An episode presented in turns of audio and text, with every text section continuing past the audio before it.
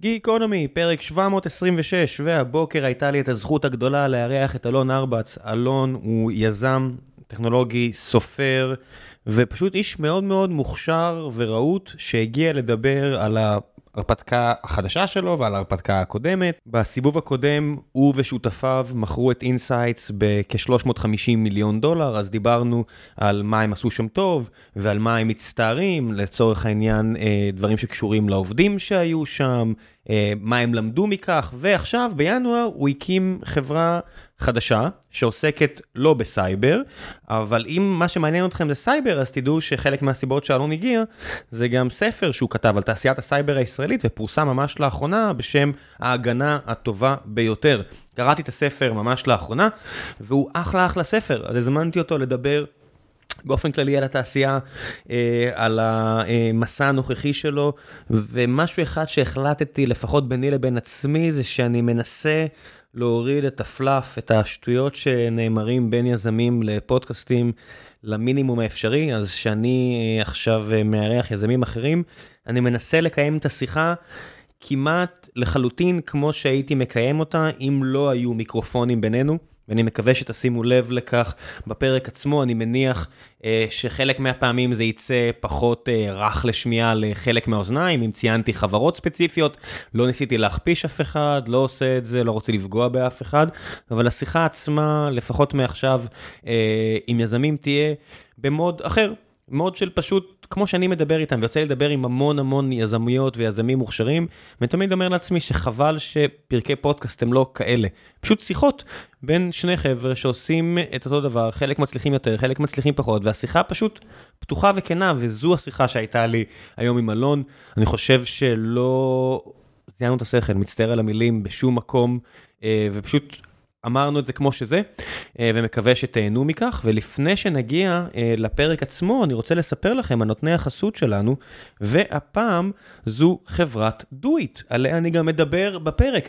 חברת דויט עוזרת לסטרים אלמנטס ולהרבה חברות אחרות לסדר את כל מה שקשור להוצאות הענן שלהם, שזה גם במקרה אחד מהדברים אה, שאלון מתעסק איתם, אז זה היה מאוד רלוונטי לפרק הזה. הם גם עוזרים לנו בכל מה שקשור לתשלום, אם אצלנו זה GC. GCP לגוגל, או אם אתם אה, במייקרוסופט, או אפילו ב-AWS הם תומכים. הם גם עוזרים בנראות, זאת אומרת, בפירוק של מה אנחנו משלמים, איפה אנחנו משלמים, והם גם עוזרים לנו להשיג את העסקה הכי טובה האפשרית עבורנו מול אה, חברות הענן, ובגלל שכבר הגענו לסכומים יחסית משמעותיים בסטרים אלמנטס, הם גם עוזרים לי להגיע לתנאי תשלום יותר טובים. אז לנו אישית זה מאוד נוח, אני יכול להגיד לכם שהם אה, חסכו לנו לא מעט כסף בשנה האחרונה, או עזרו לנו לחסוך לא מעט כסף, פלוס הם גם מציעים תמיכה טכנית שזמינה לנו 24/7 דרך החבר'ה שלהם, שאני אה, מכיר אותם, חלק מהם ניסיתי לגייס ולא הצלחתי.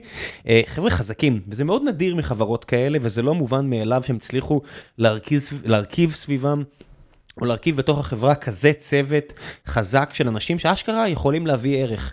וכן, אני יחסית מאוד ציני כלפי חברות כאלה, וכשפגשתי חברה שהיא לא כזו, אני, כיף לי לעבוד איתה. אז כנסו ללינק של doit.com גיקונומי, אה, ותגידו ששלחתי אתכם עם שואלים, המלצה חמה ממני. ועכשיו, גיקונומי עם אלון, מקווה שתהנו.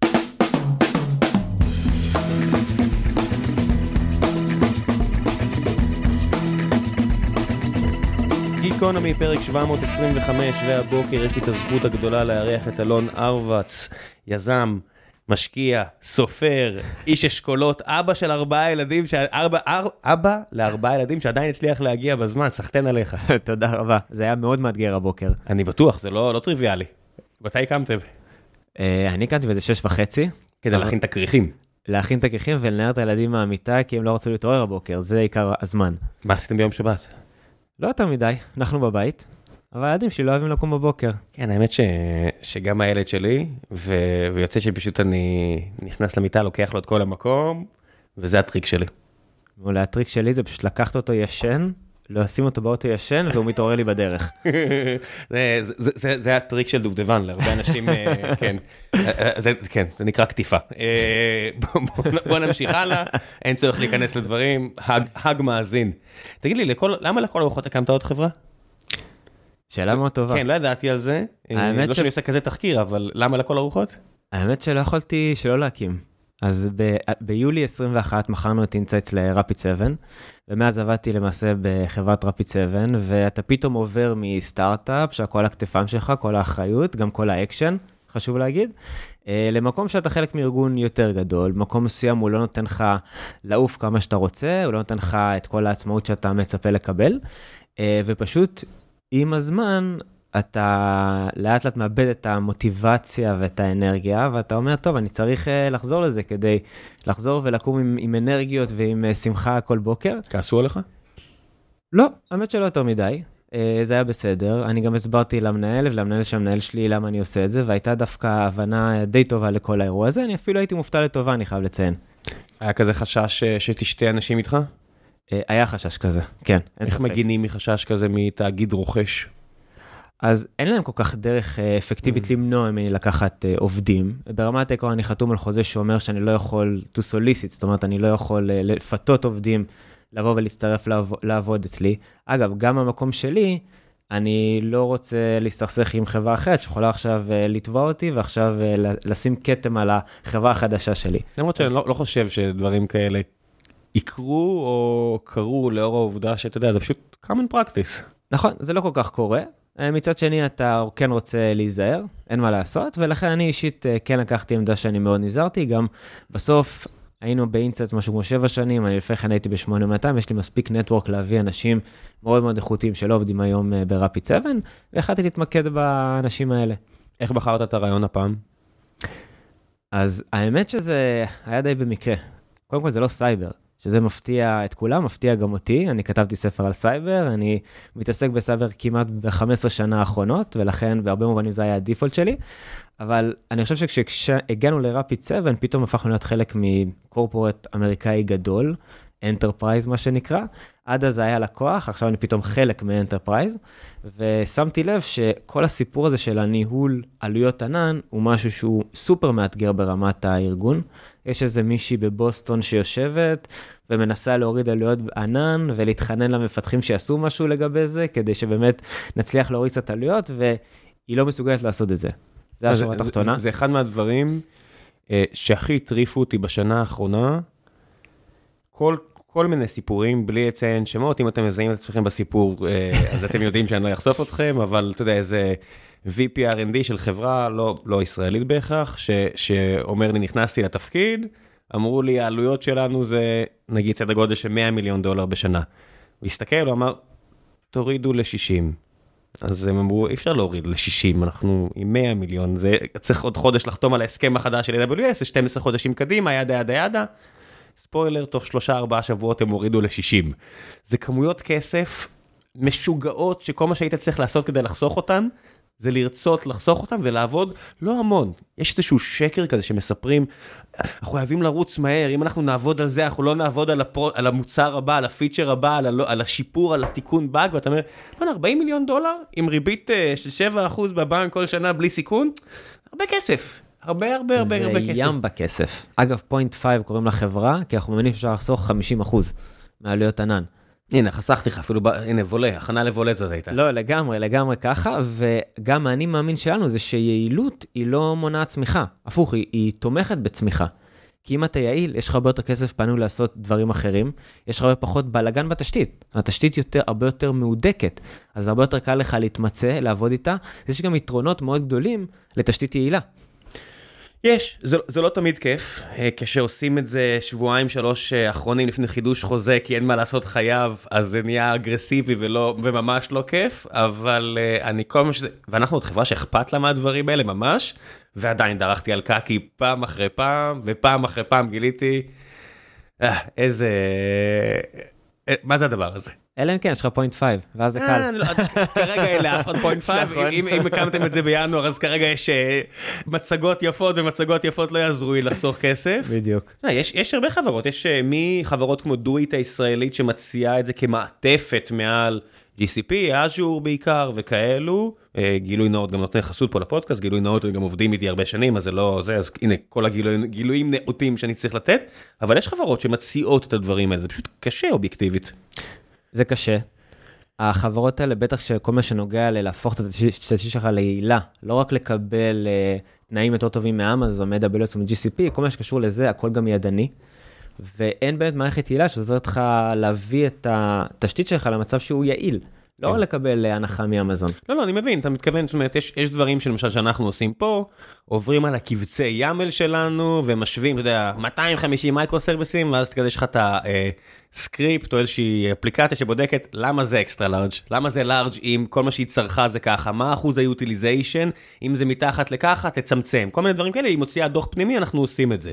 אבל מה היא לא אומרת לך, זה למשל, למה יש 17 אה, אלף דולר באלסטיק סרצ' לא ב production, אלא באיזה סביבת staging, ואף אחד לא נגע בה כבר חודשיים. יש בלי סוף תרחישים של בזבזנות, אין סוף. להריץ workload ב-AWS יש מיליון אפשרויות שונות. הסיכוי שמפתח פה כשהוא מרים תשתית, הוא יודע מה הדבר הכי optimized למה שהוא צריך, שואפת לאפס. אה, תלוי מי מהם. זאת אומרת, אם זה נעשה במרכאות סתם מפתח ולא האדם שאמון על זה, הסיכוי מאוד נמוך. קודם כל, רוב מוחלט של המפתחים זה ככה. גם אנשים שמאוד מבינים, אגב, קשה להם לחזות מה, מה האפליקציה תצטרך בהמשך הדרך. ולכן יש צורך גם לייצר איזשהו מנגנון שהוא ongoing, שפשוט לבן אדם מאוד קשה לעשות את זה. כן. כי יש לו תמיד עוד משימות ועוד backlog ועוד roadmap. אני חושב שציינתי את זה בפרק עם uh, טל מושכל, uh, שגילינו שאם אתה לא בוחר ספציפית איזשהו משהו ב-GCP, אז אתה מקבל uh, מעבד של AMD שהוא מדור ישן. ואם אתה בוחר ספציפית, אז תקבל את הדור החדש ותוכל אה, או לחסוך יותר כסף או לקבל יותר ביצועים, אבל הדיפולט הוא המכונה שגוגל כבר קנתה לפני כמה שנים, ממש מנסה לסחוט לה תמיץ, אה, ואף אחד לא זה לא רמאות כמובן, אבל אתה רק צריך לשנות לזה קונפיגורציה ולקבל יותר. ברור, בהיבט הזה לא הייתי סומך באופן כללי על GCP AWS, שידאגו שהכל יהיה fully fully optimized, כן? מן הסתם, יש לנו, נכון. אינט, יש לנו אינטרסים מאוד מנוגדים. מאוד מנוגדים. מהבחינה הזו. כשאתה מקים חברה כזו, ואתה אה, רואה עכשיו, זאת אומרת, יש גלים של טירוף בתעשייה, אה, והגל, אה, בוא נגיד של הסייבר לא, לא שכך, זה, זה, זה די אה, גל גבוה ויציב, שאין לו פיקים. יותר מדי, גם אם בספר אתה כזה מנסה לתאר אה, פיק של 2010, ופיק, אה, זאת אומרת, עם סטוקסנט, או פיק עם 2008 וכאלה, בפועל זה די יציב. זאת אומרת, הצורך יציב, אה, גם אם כמות החברות בארץ עולה, עדיין ההוצאות כאילו הולכות ועולות בצורה די אה, ליניארית, התקשורת סביב זה היא די יציבה, בניגוד לפיקים שאתה רואה, פיקים של צ'טבוט ב-2017, כן. פיקים של אפליקציות מטופשות, אתה יודע, עשן על ה... בוא ת, תעשה, אתה יודע, שהתחיל ה App Store נגיד, אחרי שסטיב ג'ובס הודיע על זה, היה פיק של שטויות, בוא נגיד. כן. אה. ואז פיק של קריפטו, ובוא נגיד עכשיו פיק מטורף אם כל הפיקים, אני מריח שמגיע, סביב AI. וזה שיש כן. AI, גם יש שימוש, שימושיות מאוד ספציפית במשאבי אה, ענן כאלה ואחרים, והנה אתם מגיעים. זה גורם לך לחשוב על התמקדות שונה ממה שחשבת? אז תראה, קודם כל אני, אני חייב להגיד, גם בסבא יש קצת פיקים, זאת אומרת ב-2010 כן היה התחלה של פיק של כמות החברות שהוקמו פה, שגם התאזנה כן. בהמשך הדרך, וב-2020-2021 היה פה פיק של ולואציות אה, מאוד מאוד גבוהות. כן, יש, היה, גם בסבא היה איזה שהם אה, פיקים. עכשיו תראה, בגדול, אני פה בשביל הלקוחות שלי. זה הדבר הראשון שאני עושה, שואל מה הלקוח שלי צריך. אני יכול להגיד לך שבגלל ההייפ הזה, אז קודם כל לקוחות משקיעים הרבה יותר ב-AI. וזה בעיקר גורם לי לרצות לעזור להם לחסוך באזורים של AI.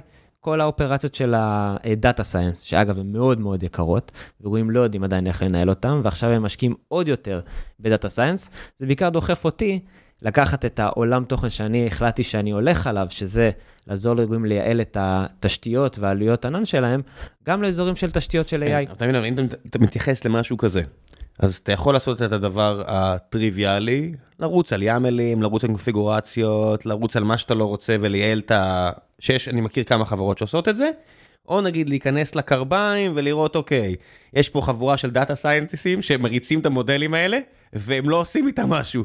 זה, לא יודע, להשוות את זה לג'וניפר, נו, למה שאתה לא רוצה. זאת אומרת, יש כל מיני דרכים שאני יכול לחשוב עליהם, שיש בזבוז מטורף בחברות. מטורף, שאנשים לא מעריכים עד כמה.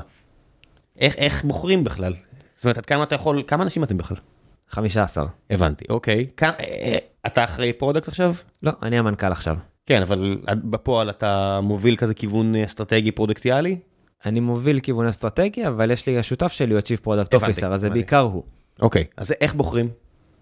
קודם כל אתה בוחר לפי אימפקט, אני לא בוחר אגב לפי הייפ. זה לא שעכשיו יש AI אז אני בוחר לפי הייפ, אלא לפי האימפקט ומה ש... שני דברים. א', מה שלקוחות רוצים וחשוב להם ומרגישים שיש להם שם פער שהם צריכים לתת בו מענה. בסוף אני צריך למכור את המוצר ואני צריך שזה יהיה מיושר עם מה שהלקוחות מצפים ורוצים לקבל. אה, וברמה השנייה, בסוף יש לי design partners, כן? אנחנו למעשה כבר מותקנים אצל חברות, ויש לי גישה ל data אמיתי. אז אני יכול לראות איפה באמת יש להם בזבזנות הכי גדולה, ואיפה אני יכול לעזור להם הכי הרבה, ועל בסיס זה אני בעצם מתעדף את ה roadmap שלי ואיזה חיסכון אני רוצה לייצר ואיפה. הטריק הידוע, המשקיעים עזרו? לא, למה עזרו? כי למה לא? מהבחינה הזו, אתה יודע, אני מקבל נגיד אה, מהמשקיעים שלנו, פעם בשבוע, הודעה, אימייל כזה, תקשיב, תכיר, השקענו בחברה הזאת, אולי תן להם צ'אנס. אז לא, זה ממש לא על הסיפור. אופטימיזציות אני מדבר. אז האמת שזה ממש לא הסיפור, דווקא החברות שאנחנו הטמענו בהן, זה כן חבר'ה מה network שלנו, זה לא עכשיו חברות עכשיו ולא יודע איפה. לא cold email. זה לא cold email. זה לא יכול להיות cold email שאתה בשלב הזה. למרות שאתה יודע, יש לנו כמה design partners שהם cold email. איך? איך? אני אתן לך סיפור מעניין. כן. יש פלטפורמות שמאפשרות לך אה, לעשות שיחות ייעוץ עם כל מיני מומחים בכל העולם. כל ה-GLGים למיניהם. כן, כן. יש גייד פוינט, טיגוס, יש כל מיני כאלה. כן, למי שלא מכיר, אנשים שהלינקדאין שלהם או השם שלהם אה, רומז שיש להם סט של מומחיות כזה או אחר, יכולים להגיד, שעה שלי שווה איקס מאות דולרים, אה, כי זה בדרך כלל יועצים בינלאומיים, ואתה מקבל הצעות, ואם הולך, אתה מסמן בקלנדר, עולה לשיחת ייעוץ, או כמה שיחות ייעוץ, ואללה בבאללה. יש גם ככה. כאלה לדברים האלו. בדיוק ככה. וזה דרך, אגב, מדהימה, א', לקבל איזושהי פרספקטיבה מהשוק ומלקוחות פוטנציאליים, וגם לייצר קשרים. אחד הדיזיין פרטנר שלנו, אגב, חברת פורצ'ן 100, עלינו לשיחה כזאת, שאגב, זה גם לא שיחת זום, אתה לא רואה את הבן אדם, זה נטו טלפון. כן. הם שומרים על סודיות, אתה מתחייב סודיות. על סודיות, נכון, yada yada. כן. נכון, נכון, נכון. ועלינו לשיחה איתו, והתייעצנו איתו, בסוף זרקנו לו, תקשיב, אנחנו עובדים על זה לזה, התלהב, עשה איתנו זום המשך. אמר, וואלה, אני רוצה להיות design partner. כבר חתם על ה-Design Partnership Program, חתם על אה, NDA, ואנחנו מקווים להתקין אצלו בחודשיים הקרובים. Fortune 100. כן. אז זה ממש לא רק משקיעים, זה גם network שלנו, וזה גם היוזמה שלנו בתור יזמים, שבאים ומנסים לייצר עוד pipeline. כשאתה מסתכל עכשיו אה, בתור מנכ"ל שאמון על הדברים האלה, אתה מסתכל על הסופה הכלכלית הנוכחית, זה גורם לך אה, לצייר אה, trajectory שונה לחברה, או שאתה מסתכל על אה, וויז של אסף, ואתה אומר, fuck it, אני רץ בכל הכוח, לא אכפת לי השוק, אה, חזק ומהר, הכנסות ולואציות, וכמות עובדים. תראה, אז קודם כל, ברור שאני מסתכל על הדברים אחרת. אני יכול איתך, אגב, כשאני יצאתי לגייס את הכסף בינואר, אז בהתחלה באתי. התחלת בינואר? כן, וסגרת בינואר? אה, בסוף ינואר, כן? אוקיי, כן. התחלנו, תכלס התחלנו רשמית בפברואר, בסדר? אז עכשיו שאני באתי בהתחלה עם, עוד לא הבנתי מה המצב בשוק באמת, אני עוד רגיל לאבלואציות של אה, 2021, פעם אחרונה שהייתי יזם ולא עובד בקורפורט, אה, ובאתי עם אבלואציות קצת מנותקות, וא' הורידו אותי אתה לקרקע. יכול להיכנס טיפה למספרים או שאתה לא רוצה? החלטה שלך, אני לא, אמרתי לך, אני לא... ת- תראה, זה סתם מעניין כי אני מעדיף אה, להיכנס אז בלי. להיכנס שנייה לאבלואציה, אני יכול להגיד לך, רציתי לגייס אה, נגיד אה, 20, שזה משהו שמישהו עם פרופיל שלי ב-2021 היה יכול לגייס, כאילו בטח באזורים האלה, בטח בסייבר. כן, לא אגיד איזי, אבל לגמרי קביל, ולגמרי כן. אני מכיר את הסיפורים. ואני מכיר את הסיפורים, אני מכיר את הסיפורים, כן. וזה כולם חברים שלי, חברים טובים. אם עכשיו היה לנו כזה אלקטרודות על הראש, מעניין אם יש אותה תמונה בראש, אבל בסדר? נכון. אני אגיד לך יותר מזה, היו משקיעים שגם היו נותנים לי את זה, את ה-20 האלה. כמה כמה מטובי- טובי משקיעי, כן. אבל, אבל זה היה אומר להתפשר על משקיע. נכון. זאת אומרת, מי שהיה נותן לי את זה, זה היה משקיע שהוא tier 2. ואני רציתי ללכת רק על משקיעים tier 1. שמי סימנת ב tier 1? tier 1 סימנו בסמר, אינדקס, לייטספיד, הקרנות בפרופיל הזה, אקסל וכולי. ורציתי ללכת על tier 1. לא, זה גם מכתיב, אתה יודע, מה שאתה בוחר גם, זאת אומרת, אני חבר של טל מורגנשטיין, אז ברור שאני אשים את לייטספיד בראש מה tier 1 כזה, אבל אם הייתי אה, חי עכשיו בפאלו אלטו, אז יש לי, אתה יודע, רשימה אחרת לגמרי יכול להיות של ה tier 1ים. זה נכון.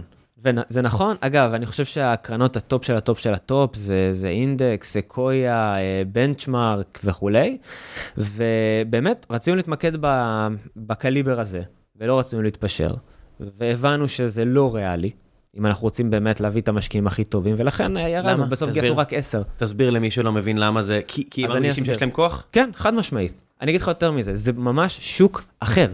יש את השוק של הקרנות בארץ, ויש את השוק של הקרנות טיר 1 בארצות הברית. זה פשוט שוק אחר, עם מספרים שונים, עם תנאים שונים, ואתה צריך בסוף להחליט עם מי אתה הולך, ו- ובהתאם לקבל את התנאים של השוק הרלוונטי. כן, אני אגיד לך, יצא לי לדבר עם uh, קרנות אירופאיות חזקות, אני תמיד מציין כי כבר אמרתי זה, אני מהאזור הזה על KKR, פיצצו לי את השכל, יושבת אותך רוצחת שפתאום אומרת לך כאילו, אתם היפנים, האמריקאים, שיחקתם, היה לכם כיף, אה? אנחנו היינו פה 80 שנה, אנחנו נהיה פה עוד 80 שנה, בוא נירגע. אתם רוצים לדבר? בוא נירגע. בדיוק, בדיוק. ואגב, אני שמח על זה מאוד. זה גם עוזר, בסופו של דבר, אתם מכרתם את החברה הקודמת 350 לפי פרסומים זרים, תקרוץ אם נכון, אל תקרוץ אם לא נכון, סתם אני צוחק. האמת שזה מאוד נכון ומדויק. כן, זה היה, בסדר, זה היה מספרים. ומאוד עוזר אם לא ניפחו את השווים יותר מדי, להגיע למצב שהעובדים, יזמים, משקיעים, מקבלים כסף. צריך להגיד את האמת. אתה מנפח את השווים, אתה גם הרבה פעמים מקטין את הסיכוי לפוזיטיב אאוטקאם מוניטרי. זה לא נכון. תסביר. זה נכון רק אם יש משבר כלכלי. זה נכון. אבל אם אתה מצליח לצאת כן. לפני ה... זאת אומרת, לפני המשבר, אתה דווקא נותן יותר כסף לעובדים שלך, למה? זה בוודאי. א', אתה מדלל פחות, כי השווים מאוד גבוהים. זה, זה בוודאי. ואתה כן. מביא אקזיט מאוד גבוה, כי זה מנופח. זה הפוך, בוודאי. הפוך, אם אתה מנפח ואתה מצליח לצאת בזמן... אבל זה הנקודה. העובדים, אתה... העובדים מצליחים. אם אתה לא יוצא בזמן, אז השווי שמנה מתרסקת, נכון. ואז העובדים נדפקים. נכון, אבל תסתכל על מה אמרת. אם אתה מצליח לצאת בזמן. עכשיו, יש uh, עשרות יזמים כבר בארץ, שכמוך מגיעים פעם שנייה, זאת אומרת, יש כזה חבר'ה שאין להם בעיה לעשות שבעה אקזיטים מדהימים, שיוצא uh, לפאונדרים עשרות, לעובדים אולי מיליונים בודדים, זאת אומרת, אנשים יוצאים עם אאוטקאם כלכלי, בנז ובניו, הרבה ערך, המשקיע הרוכש, קיבל את מה שהוא קיבל, הכל טוב, ויש כאלה שהתחילו לדבר ב... אני רוצה לעשות אה, חברה בורסאית גדולה, שתהיה פה עשרות שנים, כל הדברים האלה שאתה שומע. ואני אטען שאם זה מה שאתה רוצה, זאת אומרת לאנשים האלה, כן? אה, יש בעיה עם שווים גבוהים. זאת אומרת, אתה, אם אתה מגיע לשווים גבוהים, אתה תגיע למצב שהאירוע שבו אין אקזיט, האירוע שבו צריך לקרות מתישהו כדי להמשיך לגייס כסף או כדי לפגוש כסף, זו הנפקה. או התמזגות, או לא יודע מה. ושווי גבוה מדי יוצר שם בעיה שאי אפשר להכיל אותה כמעט. זאת אומרת, אלא אם כן אתה רוצה לעשות down round, כמו שראינו עכשיו, של חברת סייבר כלשהי, שעשתה down round של 90%, והדבר הזה הוא מרסק חברות. חד משמעית. אם אתה הולך לטווח ארוך, זה לא נכון לנפח. אני מסכים איתך. לגמרי, ואתה צריך לשמור על איזושהי משמעת, כי מתישהו השוק כל הזמן עולה ועולה ועולה, הרי יש cycleים של הכלכלה, ובסוף כל cycle תמיד יש את המסיבה הזאת של שווים מטורפים, ואתה צריך לדעת לשמור על משמעת עצמית, גם בתקופות כאלה. לגמרי. זאת אומרת, אתם עכשיו יוצאים לדרך, אתה עושה לעצמך את השיחה הזאת של אה, יחסנו לאן, מה יהיה, או שאתה אומר, מה שבכל רגע נתון נעשה את ההחלטה הכי טובה לעצמנו ולמשקיעים ולעובדים. אני אומר, בכל רגע נתון נעשה את ההחלטה הנכונה. אגב, אני לא יודע לאן השוק ילך. מבחינתי יכול להיות שהוא עוד כן. יידרדר. אני סופר מכבד את זה. זה... אני, כן. אני, אני, אין לי מושג מה יהיה. אני הולך לקבל החלטה אד הוק בכל אה, נקודה בזמן. זה מבחינתי מה שמנחה אותי. ואגב, באינטסייטס מעולם לא ניפחנו.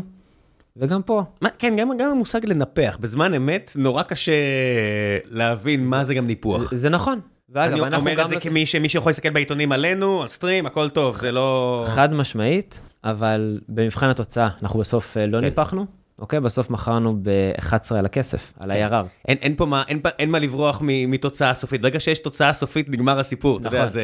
נכון, נכון. כן, אין פה...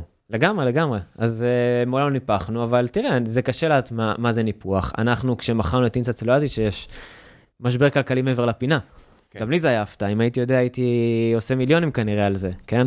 אז לא ידעתי, אה, אבל כן נקטנו באיזושהי גישה מסוימת, והייתה טובה, הייתה לא טובה, אין לי מושג. אתה כתבת בספר, אה, תן עליו קצת פרטים, איפה אפשר לקנות, קוראים בספר? אה, אז כן, כתבתי ספר, ההגנה הטובה ביותר על תעשיית הסייבר הישראלית. אה, ספר שכתבתי אותו גם על בסיס הניסיון האישי שלי וגם על בסיס ראיונות עם 50 יזמים ומשקיעים פה בתעשייה, עשיתי עבודת מחקר. מגילי רענן וניר צוק וגיל שווייד. כולם, כולם, כן. שלמה קרמר, אסף רפפורט, כל החבר'ה ממש. הספר מאוד מאוד קריא, כיפי לקריאה, אה, מבחינת רמה הייתי מסווג אותו כמעט רמת מדע פופולרי, מיועד לכולם. מיועד לציבור הרחב, זה כן. הייתה המטרה, להנגיש את התעשייה לציבור הרחב. אפשר לקנות אותו בכל חנויות הספרים מובחרות. כן, לי, אני, בוא נגיד, לא, לא חידשת לי משהו, ועדיין היה לי כיף. זאת אומרת, אני לא... אז אנשים לא שמגיעים... העקת עליי בשום צורה. כן, אנשים שמגיעים לתחום אומרים, וואי, זה עשה לי ממש סדר, והביא כל מיני סיפורים שלא הכרתי. אנשים שלא מכירים, אז אומרים, וואו, פתחת לי אה, עולם שלם. האמת שזה מצחיק, סבא אה, של אשתי, כן? הוא היה, הוא היה נשיא בית המשפט המחוזי, הוא היה בן אדם מאוד משכיל ו- ומוצלח ובעניינים. הוא עדיין איתנו? כן, הוא עדיין אה, איתנו. כן, עדיין אוקיי, איתנו. עדיין עדיין בן אדם עדיין משכיל. איתנו, כן. ולפני משהו כמו שנה וחצי, אז הוא שאל אותי, מה אתה עובד? אמרתי עובד בסייבר. אמר לי, תגיד, אפשר להתפרנס מזה? אני אמרתי לו, כן, אפשר להתפרנס מזה סך הכל וזה. ואז הוא קרא את הספר. ואז הוא אמר, קודם כל, הבנתי שאפשר להתפרנס מסייבר, ושתיים, הבנתי על מה מדברים כל הזמן, סייבר, מחשבים, לא היה לי מושג. אז אם סבא של אשתי, שהוא כן. בן 90, הצליח לקרוא וליהנות ולהבין, כנראה שהרבה אנשים יכולים. בחירה מעניינת, אה, שאני מסתכל על הספר כספר, בסוף כשאתה עושה ספר מדע פופולרי או business פופולרי, צריך לראות כמה אתה הולך לעולמות של אה, דימויים, נכון. ו- וכמה אתה מנסה להיכנס להסברים אה, שהם לא מעליבים את האינטליגנציה, מצד שני, אתה רוצה שאנשים יבינו, אז יש פה איזשהו trade-off מאוד ברור. אני שמח להגיד שאתה לא העלבת את האינטליגנציה בשום שלב, אבל עשית גם בחירה לא להיכנס יותר מדי לעומק. על המוצרים עצמם, האיומים עצמם, טכנולוגיות עצמן. חד משמעית. פשוט כי זה היה מיועד לציבור הרחב. זה לא מיועד רק לאנשי סייבר וטכנולוגיה, ולכן הייתי צריך לעשות איזשהו איזון מסוים. אתה צודק, אגב, הדימויים, שם זה האתגר הכי גדול. כי בסוף, בסוף בדימויים, אתה יודע, זה יכול להגיע למצב של ילדותי, כן? שאתה אני משווה... שונא את זה. שאתה זה- משווה מתקפת סייבר למתקפה של אה, חיל האוויר או משהו כזה. אה, עשיתי את זה איזה פעם, פעמיים בספר, אבל השתדלתי לא יותר מדי. לא, לא, זה, קראתי את הכל וזה לגמרי כן. סבבה מהבחינה הזו. כן. זה... שמע, גם כשאתה לומד אה, קריפטוגרפיה, קריפטולוגיה, אם זה מדעי המחשב, לא משנה מה, יש, אני לא יודע מי המציא את אליס ובוב, אבל יש אליס ובוב בכל דוגמה. אליס רוצה לעשות ככה, בוב רוצה לעשות ככה, יש מן אין דה מידל, בסוף יש איזושהי דימוי. זאת אומרת, גם באוניברסיטה, נכון. משתמשים ב- בעולם הזה של דימויים. A ו-B, אז קראו לו אליס ובוב. עכשיו, אני לא יודע מי אחראי לזה, ועדי שמיר אמור להגיע עוד מעט. וואלה. כן, הוא הסכים סוף סוף, אלא אם כן יהיה פה איזה הברזה. אה, אז אני ממש רוצה לשמוע ממנו איך זה היה אחד מה-OG's של. של העולם הזה בעולם, רוצה לשמוע איך זה היה פעם, אבל היום זה די ברור שיש את הסיפורים האלה, והלכת טוב. אני אני ממש הייתי מבסוט על הבחירה הזו. תודה, מעריך את זה. אני, ממש לא סובל בס- בספרים פופולריים, כאילו לציבור הרחב, שהולכים על... אה, ושתדע לך שזה מאתגר ברמות. זאת אומרת, איפה לש- נגיד זה היה קשה לך? תראה, קודם כל אני בן אדם שהוא כל, כל הזמן בעשייה, מסתובב, עושה פגישות וכו' וכו'. לשבת ומול המסך, מסך לבן, דף ולכתוב, זה פשוט מאתגר, כאילו ברמה פשוט של להושיב את עצמי. שתיים, לעשות משהו שהוא גם מדויק וגם מעניין.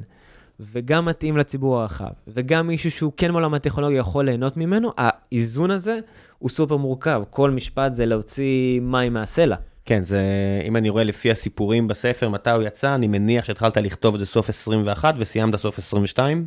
התחלתי ב... כן, התחלתי ביולי או אוגוסט 21 וסיימתי בדצמבר 22. כן, יש שם איזשהו שלב באמצע הספר כזה, שאתה מדבר על uh, סוף 22, על זה שיש בועה עכשיו, יש עכשיו בעיות, אבל אתה כזה אומר, אבל אני אופטימי. תראה, אני קודם כל מודה שלא צפיתי את המשבר הכלכלי, כן? אני חייב להגיד את זה בכנות. לא, אתה מציין אבל- שם, תקשיבו, הנה יש בועה, מתנפחים שווים, יהיה פה צרות, אבל אני אופטימי. ואז אתה ממשיך לסיפור הבא. כי כשאני אומר אופטימי, אני מתכוון לטווח הארוך. ובטווח הארוך אני חושב שבגלל שלמדינת ישראל יש יתרון יחסי בכל מה שנוגע לתחום הסייבר, אז היא גם תצלח את המשבר הכי טוב ביחס למדינות אחרות. הרי בסוף, כל- כל הסיפור פה בכלל של תחרות גלובלית ושל כפר גלובלי, זה שמי שיש לו יתרון יחסי, הוא שורד. האחרים ידעכו. ובהיבט הזה, אני חושב שאם מסתכלים לטווח ארוך, התעשיית הסייבר הישראלית, היא ת, תצלח את המשבר בצורה הכי טובה, גם אני כותב את זה בספר בפירוש, תצלח את המשבר בצורה הכי טובה, ואני מסתכל עשר שנים קדימה, אז אני מאוד אופטימי. כן, זה שילוב של, בסופו של דבר, אין פה קסמים, אפשר לפרק כל דבר, להיכנס לעומק, זה שילוב של כסף, זאת אומרת, יחסית קל לגייס פה כסף, גם אם נכשלת, גם אם הצלחת, אתה יכול לבוא לעוד סיבוב, זה מאוד עוזר, זאת אומרת, יש נכון. קבלה של, וקבלה של יזמיות, יזמים פנימה לסיבוב הבא, אחד, שתיים, חשיפה ל, אה, לכישרון, זאת אומרת, אנשים שיודעים את העבודה ברמה גבוהה, או צבא או לא צבא, זאת אומרת, לא- כל הצבא שותה את כל הקרדיט, אבל האמת שהרבה מהחבר'ה שמגיעים לשמונה אחד, שמונה כוכבית, או כל היחידות האלה, או ארבע כוכבית, או לא משנה מה, הם חזקים עוד לפני כן, צריך להגיד את האמת, בהרבה מקרים. יש כאלה. כמוך ש... אבל כן מסלילים אותם לסייבר בצבא. והם מקבלים עוד, עוד, עוד, אה, עוד הכשרה. נכון. בסופו של דבר זה כמו העבודה הראשונה שלך, וזו העבודה הראשונה איכותית למדי. נכון. אה, וחשיפה, ועובדים ביחד כל עם החבר'ה. ניסיון שאתה לא יכול לקבל בשום מקום אחר בעולם, חשוב להגיד את זה. זאת אומרת, לא, צבאות אחרים. כן, אבל צבאות אחרים, בסוף הם לא לוקחים את האנשים הכי טובים במדינה, נותנים להם שלוש שנים, ואחרי זה משחררים אותם. באים לשם לקריירה. כן, לא, ג- גם בארץ, אם תסתכל, הרבה מהיזמים הם עשר שנים ושמונה שנים, פשוט בארצות הברית, בשלב הזה הם לא היו יוצאים. נכון, הם לא היו יוצאים, כן. ועוד פעם, מי שהיה הולך לדוגמה ל-NSA, כדי להתעסק בעולמות האלה של הסייבר, בדרך כלל זה מסלול שמלכתחילה הוא מאוד ארוך, ומכוון לאנשים שבאים לעשות שם קריירה. ואתה יוצא לפנסיה, כן. נכון, ולכן אין את המנגנון הזה של גם לתת את הניסיון המאוד ייחודי הזה של הסייבר ההתקפי, וגם לצאת בגיל יחסית צעיר לתעשייה ולעזור לבנות אותה, בין כי, אם כיזמים או כעובדים עם ניסיון מאוד מאוד משמעותי. כן, גם סייבר הגנתי, זאת אומרת, זה לא רק החבר'ה שעשו דברים, גם אה, כמו מצור וכל מיני מסכים. כאלה, שאתה מציין אותם, אני נגיד מסכים. אחי היה קצין שם, ואתה רואה כאילו את ה... בשנות ה-90 עוד, בסוף החשיפה שהוא קיבל שם היא... היא באמת הייתה משמעותית לחברות. שהוא היה מעורב בהן. ולכן אני חושב שהנקודה המשמעותית זה באמת שהצבא בוחר את האנשים הכי מוכשרים ומתאימים לדברים האלה, ומסליל אותם לסייבר. זה בסוף הנקודה הכי כן. משמעותית. אז זה דבר שני שאמרנו, ודבר שלישי, זה פשוט העובדה שכולם מקובצים גיאוגרפית. צריך להגיד את האמת, זה נורא עוזר. כן. קראתי לזה, לפרק הזה, אחי, בספר, כן. והתחלתי, אני חושב, עם הציטוט של יוסי ורדי, של הגרף החברתי של ישראל הוא פשוט, כולם מכירים את כולם. וזה מאוד נכון. כן. אז כולם מקובצים, ידע עובר מאוד מהר, אתה יכול להגיע בצורה יחסית יעילה לאנשים עם המון ניסיון. העובדה שהצלחתי להגיע לרעיונות עם כל הבכירים של התעשייה, ללא יוצא מן הכלל, היא אומרת הכל בסוף. כן, היא מראה כמה אנשים פה קרובים, כמה אנשים מוכנים לעזור, ובאמת כמה, כמה קל לעשות את הדברים האלה. וזה החלק התרבותי, זה החלק האחרון שאני רוצה. להגיד, שזה משהו שנורא קשה אה, להעתיק או לשחזר. שמשקיעים, פה- יזמים פה מוכרים חברה או לוקחים אותה להנפקה, ואז מיד רצים להשקיע בעשר אחרות. אני יכול למנות לכם עכשיו, אקדח לרקה, עשרה כאלה שאני מכיר. לגמרי. וזה די מדהים, זאת אומרת, אתה לא הולך וקונה פרארי או למבורגיני, אתה הולך ולוקח את הכסף הזה, גם אם אתה יכול לעשות שניהם הרבה מקרים, אבל אתה הולך ומשקיע ב-10, 20 חברות אחרות. זה קטע מטורף. קטע מטורף לחלוטין, וזה שיוסי התחיל את זה דרך אגב, אם ציינת, וואלה, אותו כבר. אני לא חושב שלפני יוסי היה מישהו שעשה אקזיט גדול ופשוט אמר, אוקיי, אז אני הולך להשקיע בעשרות חברות. תגידו לי, מאזיניי היקרים, האם אני מפספס משהו והיה בן אדם כזה בארץ ישראל, מדינת ישראל, לפני יוסי. אני חושב שיוסי הראשון שעשה את הטריק הזה. יוסי השקיע לעניות דעתי בקרוב ל-100 חברות, מכר את ICQ עם הילד, עם אריק, והלך ו- ועזר, גם לי, אתה יודע, אני, אני גם הייתי אחד מהחברות האלה לפני 10 שנים או 13 שנה, ו- ובחבורה הזאת של יוסי, וזה קטע תרבותי שהושרש. אני מאוד מאוד מסכים. אגב, רק כדי לחזק את הנקודה הזאת שזה תרבותי, יש, אגב, גם בישראל כאלה שבוחרים לא לעשות את זה. נגיד גיל שווד, הוא לא משקיע בחברות, כי הוא לא, הוא לא מרגיש ששם יש לו ערך מוסף, או, הוא מרגיש שהוא יכול לתרום הרבה יותר דרך צ'ק פוינט. אז הוא אומר, הוא נגיד לא עושה השקעות בסטארט-אפים, אז זה מאוד עניין תרבותי. כן, אבל גיל שווייד, באותו מידה, הכשיר, זאת אומרת, בזכות העובדה שהוא שמר את החברה בארץ, נגיד ניר, ניר צוק הקים את פאלו אלטו, בפאלו אלטו, נכון. בארצות הברית. גיל, עם כל האיומים של תחזיקו אותי, תחזיקו אותי, הוא עדיין פה. אה, השאיר פה מלא, יש מלא, מלא מפתחים בתעשייה הזו, שקיבלו את ההכשרה שלהם, האמיתית, הרצינית, החזקה והערכית, בצ'ק פוינט. חד משמעית. לא רק אגב, אורקה סקיורטי שיצאו כקבוצה אחת משם, מלא! ואגב, אני מסכים איתו. אני חושב באמת שהתרומה שלו לתעשייה היא בדברים האלה, בלהרים את צ'ק פוינט, זו התרומה הכי גדולה שלו. ואגב, יש פרק בספר שמדבר על כדור השלג של תעשיית הסייבר הישראלי, הוא בעצם מדבר על איך, בגדול, צ'ק פוינט התחילה פה כדור שלג, הביאה את הניסיון לארץ, הכשירה פה אנשים שיודעים לעשות סייבר. זה לא טריוויאלי. לא. אגב, אני גדלתי על צ'ק פוינט, זה החברה הכי מדהימה פה בארץ. אני גדלתי על זה. יש שיגידו, זאת אומרת, אני, אני תמיד אומר, השורה שאני תמיד צוחק, אני אומר שהפודקאסט הזה יותר רווחי מכל החברות סייבר מינוס צ'ק פוינט. אה, אז ברור שזה לא נכון, כי יש, יש, אם אתה מכניס את NSA כסייבר, אז NSA הייתה מאוד רווחית, חברות סייבר, NSO, סליחה, ברור, NSA לא רווחית, זה רק אה, מבזבזת כסף למשלם אה, המיסים האמריקאי, אבל יש חברות שפשוט לא שמעתם עליהן שעושות כסף, והחברות שגייסו כסף, ברובן המוחלט נכנסו לתלם הזה של להגדיל הכנסות על חשבון כל דבר אחר, ואפילו פאלו אלטו הגדולה, החברה בעלת השווי, החברת הסייבר הכי גדולה בעולם, אלא אם כן תיקחו את החלק הזה במייקרוסופט נגיד, אה, רק לאחרונה רשמה רווח. נכון. ממש ככה. זה, זה לא היה המשחק, וניר הודה בזה, וניר הלך על זה בכל הכוח, וגם המשקיעים כיבדו את זה ואהבו את זה, ועדיין אוהבים ומכבדים את זה, ולכן פאלו אלטו הגדולה, שיש לה רווח מאוד קטן, באמת אני חושב שזה מכפיל של 8,000 או משהו כזה על, הרווח השווי שלה, היא עדיין גדולה מצ'ק פוינט פי 4 בשווי. נכון. עם 12,000 עובדים או 13,000 עובדים, לא, מפת... לא ממהרת לפטר, חברה מאוד חזקה ויציבה, שהשוק מאפשר לה לעשות את זה, נכון. כי הם רואים קדימה. נכון, ואפילו המניה שלה עלתה מאז תחילת המשבר, זה מטורף. שצ'ק פוינט גם עלתה. כן, יש, אה, יש כאלה. זאת אומרת, יש, אתה רואה נגיד את אפל שרוקדת סביב, חברות נורא יציבות, חזקות, או שאתה מרוויח כסף, או שאתה מושרש היטב בפנים, כמו פאלו אלטו, כמו צ'ק פוינט. נכון. טוב. זה, נכון. זה, ת, ת, תגידו מה שאתם רוצים, זה as real as it gets, זה אמיתי לאללה. נכון. כן. ואז אתה מגיע, ולמה אתה בורח מזה? זאת אומרת, למה אתה הולך לי למחוזות האופטימיזציה? למה אתה לא מנצל את העובדה שיש לך את כל הידע הזה, את כל הרשת קשרים הזו? אתה יודע להיות ציני כשאפשר, אתה יודע למקסם את הזה, למה לא להביא עוד אקזיט למדינת ישראל? תשלם מיסים, מה קרה? קודם כל אתה צודק, אני חושב שהברירת מחדל כן הייתה ללכת לסייבר, ואת השאלה הזאת אני שומע מהרבה אנשים, גם עם משקיעים. אה, אגב, כשאמרתי למיקי בודאי שאני הולך לעשות משהו לא בסייבר, הוא אמר לי, אני מציע לך לחשוב על זה עוד פעם, יש לך שק- אה, קשרים, יש לך ידע ייחודי, יש לך ניסיון, אל אל תוותר על זה כל כך מהר.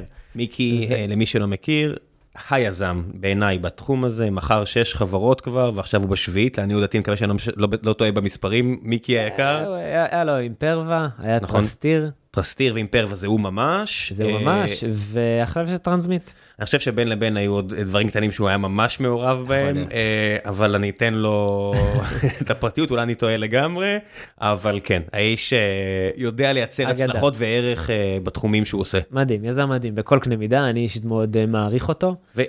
צנוע מאוד. מסתיים, הספר מסת, מסתיים, ציטוט של מיקי בודאי, כן, שהוא אומר שהסיכון הכי גדול לתעשיית הסייבר הישראלית, זה היהירות שלנו הישראלים.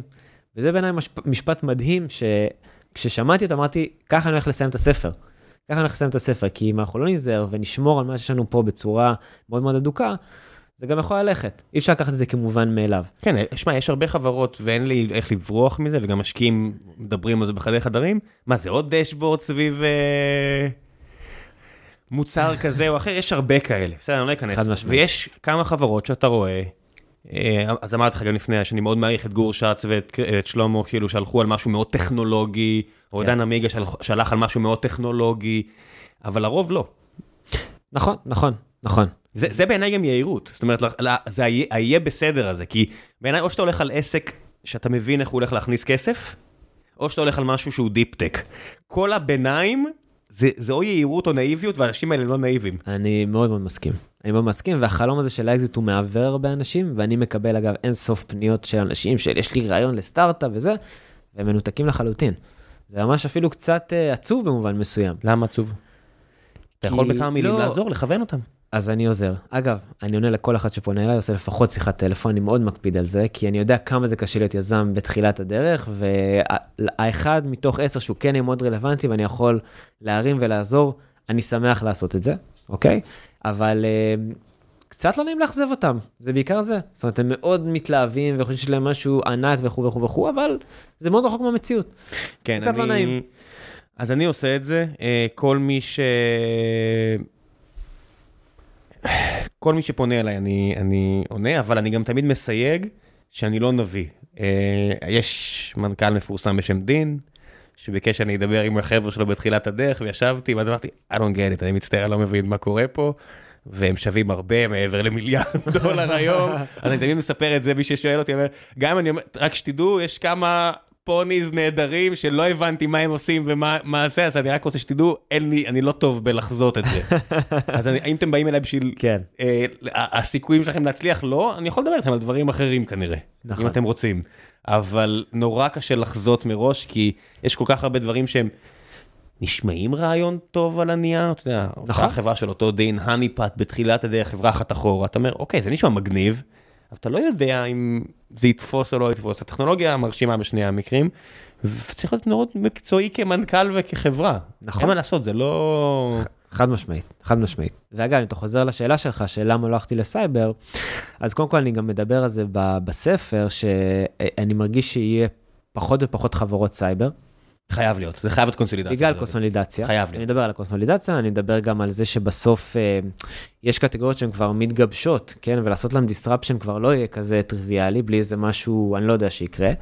אה, ולכן, מי שרוצה להקים חברה גדולה, כמו שאני רציתי, לפני שהחלטתי על איזה סטארט-אפ ללכת בסטארט-אפ האחרון, כדי לעשות את זה בסייבר, אה, זה יגיע, אבל זה יכול לקחת המון זמן של אידיאשן. זאת אומרת, אני מבחינתי הייתי גם יכול עכשיו לעשות חצי שנה, שנה אידיאשן, עד שהייתי מגיע לרעיון שאני מרגיש איתו מספיק בנוח, שהוא מספיק דיסרפטיב, שיכול להיות מספיק גדול, שעונה לקריטריונים שלי חשובים בתור יזם פעם שנייה. המודל שלכם מבוסס על אה, אחוז מהחיסכון?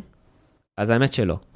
אה, אגב, זה היה האינטואיציה שלנו, זה מה שרצינו לעשות בהתחלה, זה אינטואיציות של הרבה אנשים מחוץ לתחום. זה פשוט כואב מדי, אנחנו- אני לא הייתי חותם על זה.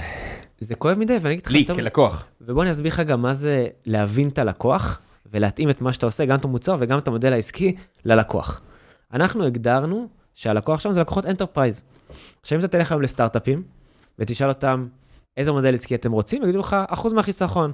ככה אני לא צריך אה, לעשות לזה תקציב אה, אה, מסוים. תמהות. תמהות, אין לי כסף, אני אחסוך כל שקל שיש, ו- נכון, ואני חושב רק על נכון. צעד אחד קדימה. לעומת זאת, חברת enterprise, בסוף יש לה, לכל הוצאה יש לה שורת תקציב, והיא לא יכולה לצאת לדרך בתחילת שנה ולקנות מוצר שהיא לא יודעת כמה הוא יעלה לה בסוף שנה. בוא, נו, גם חברה שמוציאה מאות מיליונים, מה אתה הולך עכשיו להגיד לי שאתה יכול להגיע פה למיליוני דולרים על... אה, על- נכון. עשרות מיליוני דולרים על על מה שאתה עושה? לא. נכון, נכון. בעשרות מיליון דולרים אני שם צוות שיעשה את זה. בדיוק, בדיוק, ולכן זה לא אני עובד. קונה אותך, בשלב שאתה נמצא בו בתחילת דרך. מה, אתה יודע, לא אתה, מישהו בתחילת הדרך, אבל זה לא יקרה. נכון, וזה החשיבות אגב של לה- להחליט מראש מה ה-ideal customer profile שלך, כי זה גוזר הכל. את המודל העסקי, את המוצר, את ה-roadmap, הכל. את הפרופיל של האנשים שאתה מגייס. תכירו, ICP, Ideal Customer Profile, כן, נכון, מאוד נקודה. מאוד חשוב. CROs מובילים, יגידו לכם, הדבר הכי חשוב אולי. הכי חשוב, מפה, כל פיץ' של אה, סטארט-אפ שאני אה, שומע, הדבר הראשון שאני שואל זה מה ה-ICP. קודם כל תגיד לי מי הלקוח שלך. כן. אחרי זה נבין אם המוצר שלך נותן לו מענה, אם הוא הולם את הצרכים שלו, אם יש אה, היתכנות אה, ביזנסית, אבל קודם כל תגיד לי מי הבן אדם שאתה מוכר לו. כן, וזו שיחה שונה, אני עם ה-CRO יכול לעשות מי ה-ICP שלך, ועם ה-Chief Product לשאול, תגידי, מי הפרסונה האידיאלית של השימוש? זאת אומרת, זה לא בהכרח אותו בן אדם. אז אני חושב שארגון שיש לו alignment מאוד מאוד טוב, יגידו לך את אותו הבן אדם. למה? תסתכל למשל סניק, שהתארחו פה לא מזמן. והנה, אחת מהחברות האלה של לעניות דעתי הם בצרות על ולואציה גבוהה מדי, למרות שיש להם מוצר טוב, אין לי בעיה גם להגיד את זה, אה, אבל מוצר, טוב, אבל ולואציה גבוהה מדי, ושם לא בהכרח יש אה, הלימה בין ה-ICP לפרסונה שמשתמשת, זאת אומרת, יכול להיות שה-CIO או ה-CTO יגידו משהו אחד, והמפתחים יגידו משהו אז אחר. תראה, יש לזה כמה רמות. יש רמה של ICP, קודם כל ברמת הארגון, שבדרך כלל מפלחים את זה לפי... כן, לפי גודל חברה, בדרך כלל לפי מספר עובדים, vertical. זאת אומרת, מה הסקטור, finance, tech וכו' וכו' וכו'. יש עוד קריטריונים שהם ייחודיים לשווקים. לדוגמה, בשוק שלנו אנחנו מגדירים שאנחנו לא משרתים לקוחות שאין להם מעל כך וכך מיליוני דולרים הוצאות בשנה על תשתיות ענן. אוקיי? אז זה בסוף ICP ברמת החברה. קודם כל אתה רוצה לדעת לאיזה חברות אתה מוכר. השלב השני זה להבין בתוך הארגון למי אתה מוכר. ופה אגב, יש גם שוני בין ה-buyer פרסונה ל-user פרסונה. קח את סניק לדוגמה שאמרת. ה-buyer פרסונה זה ה-CISO, שהוא אחראי על ה security, והתקציב מגיע ממנו כמעט תמיד. וה-user פרסונה זה האנג'יניר בקצה, שהוא עכשיו uh, מקבל התראות על איזה חולשות יש לו והוא צריך לתקן אותן. או שפתאום המחשב שלו עובד טיפה יותר, או שהקומפילציה טיפה יותר איטית, או שלא יודע מה. נכון. לא, באמת, לא זה-. זה הדברים שמשפיעים על כל אחד מהפרסונה. אבל, אבל ארגון שהוא aligned ויש לו אסטרטגיה ברורה, הוא יודע להגיד מה ה-ICP ברמת הארגון, ה-buyer פרסונה ה-user פרסונה, ולפעמים זה יותר מבן אדם אחד, וצריך לדעת להפריד בין הדברים האלה, ולהגיד אותם בצורה מאוד מאוד בהירה. כשאין את זה, זה יוצר friction בתוך הארגון בצורה שאתה בכלל לא יכול לדמיין. תחשוב שהמוצר מיועד לבן אדם אחד, האיש marketing מוכר דבר אחר, והאיש מכירות עכשיו, הוא בכלל מחפש מישהו, בן אדם אחר בארגון, כדי אה, אה, לדבר איתו ולגרום ל- ל- ל buy-in שלו. כן, זה למשל קורה, למשל, לא יודע, עכשיו עשיתי איזשהו audit, איזושהי ביקורת על ה- על החברה שלנו, ואמרו לי שהם רוצים שנתחיל לעשות אה, מבדקי phishing וכאלה לעובדים. אז מי, מי המשתמש? העובדים שלא רוצים לעשות את זה, או שאתה רוצה למצוא את החוויה, לבחור את ה vendor שמביא את החוויה הכי פחות מעפנה לדבר הזה, או אני שהבטחתי ללקוח גדול שאני אעשה את זה והתחייבתי שתוך חודשיים יהיה. אתה מבין? אז זה, נכון. זה, זה, זה מה זה. נכון, קח את התחום שלי לדוגמה, אתה יכול עכשיו לבחור... חדש, האופטימיזציה? כן, כן, כן, אתה יכול לבחור למכור ל finance, או שאתה יכול לבחור למכור ל engineering. כן, האם אתה רוצה... זה מאוד אה, שונה. ה finance מאוד מאוד קשה להם, כי הם רואים אה, חיוב פעם בחודש, או פעם ברבעון, או פעם בשנה, נגיד לדויט, במקרה שלנו, מה זה 400 אלף דולר האלה? אתה יכול להסביר לי בבקשה מה הולך פה? ואני יכול לנסות, או אני יכול לתת להם את האקסל הכי מפורט שאני יכול, ויש כאלה שיש finance שרוצים יותר, יש finance שרוצים פחות. והם לא יודעים להבין בכלל על מה יוצא הכסף ומה אפשר לעשות, מבחינתם כן. זה סינית, כן? זה לא כמו כן. מסעדה. שאתה אומר, תגיד, למה הלכת למסעדה הזאת ולא למסעדה הזאת? למה הוצאת, לא יודע מה, 200 שקל לבן אדם ולא אה, 100 שקל לבן אדם? הם לא יכולים אפילו לשאול, זאת הבעיה. הם לא יודעים לשאול אפילו את השאלות. כן, זה נורא חשוב שאתה יכול לשאול אם יש לך גרנולריות, שהיא בדיוק במידה הנכונה. אתה לא נכון. רוצה יותר מדי גרנולריות, אתה אומר, אני לא רוצה לשאול עכשיו, ואלוהים יודע שאני כבר לא טכני כמו החבר'ה שלי, אני לא רוצה לשאול אותם, רגע, למה זה 6 מכונות ולא 12, ולמה זה 12 מכונות ולא 6 מכונות? אני מעדיף לשאול אותם בגדול, למה קוקרוץ' דיבי ולא אלוי דיבי, אם קוקרוץ' אכזבו אותי פעם שעברה, כזה. נכון, נכון. אין להם את השאלות לשאול, ולכן זה באמת מאתגר פייננס לנהל את כל האירוע הזה. ולכן, אם אתה רוצה לייצר תשתית יעילה, כנראה ש engineering זה הכתובת שלך, כדי לטפל באירוע הזה. יש לך כבר, אה, זאת אומרת, בגלל שאין גרטנר, לעולם החדש שאתה נכנס בו, אז יש הרבה יותר רעש. גרטנר מאוד עוזרים נכון. לעשות, אה, אתה יודע, כזה, אתה יודע, זה קייטו נטוורק זה SASE, אתה אפילו מדבר עליהם שם. ולמי כמוני עד 2019 שלא הבין מה הם רוצים מהחיים שלי, זה שגרטנר מסבירים לי, ואז מכריח- יש חברות שמכריחות להשתמש באקרונים כזה או אחר, זה עוזר לי, אני מודה. חד משמעית.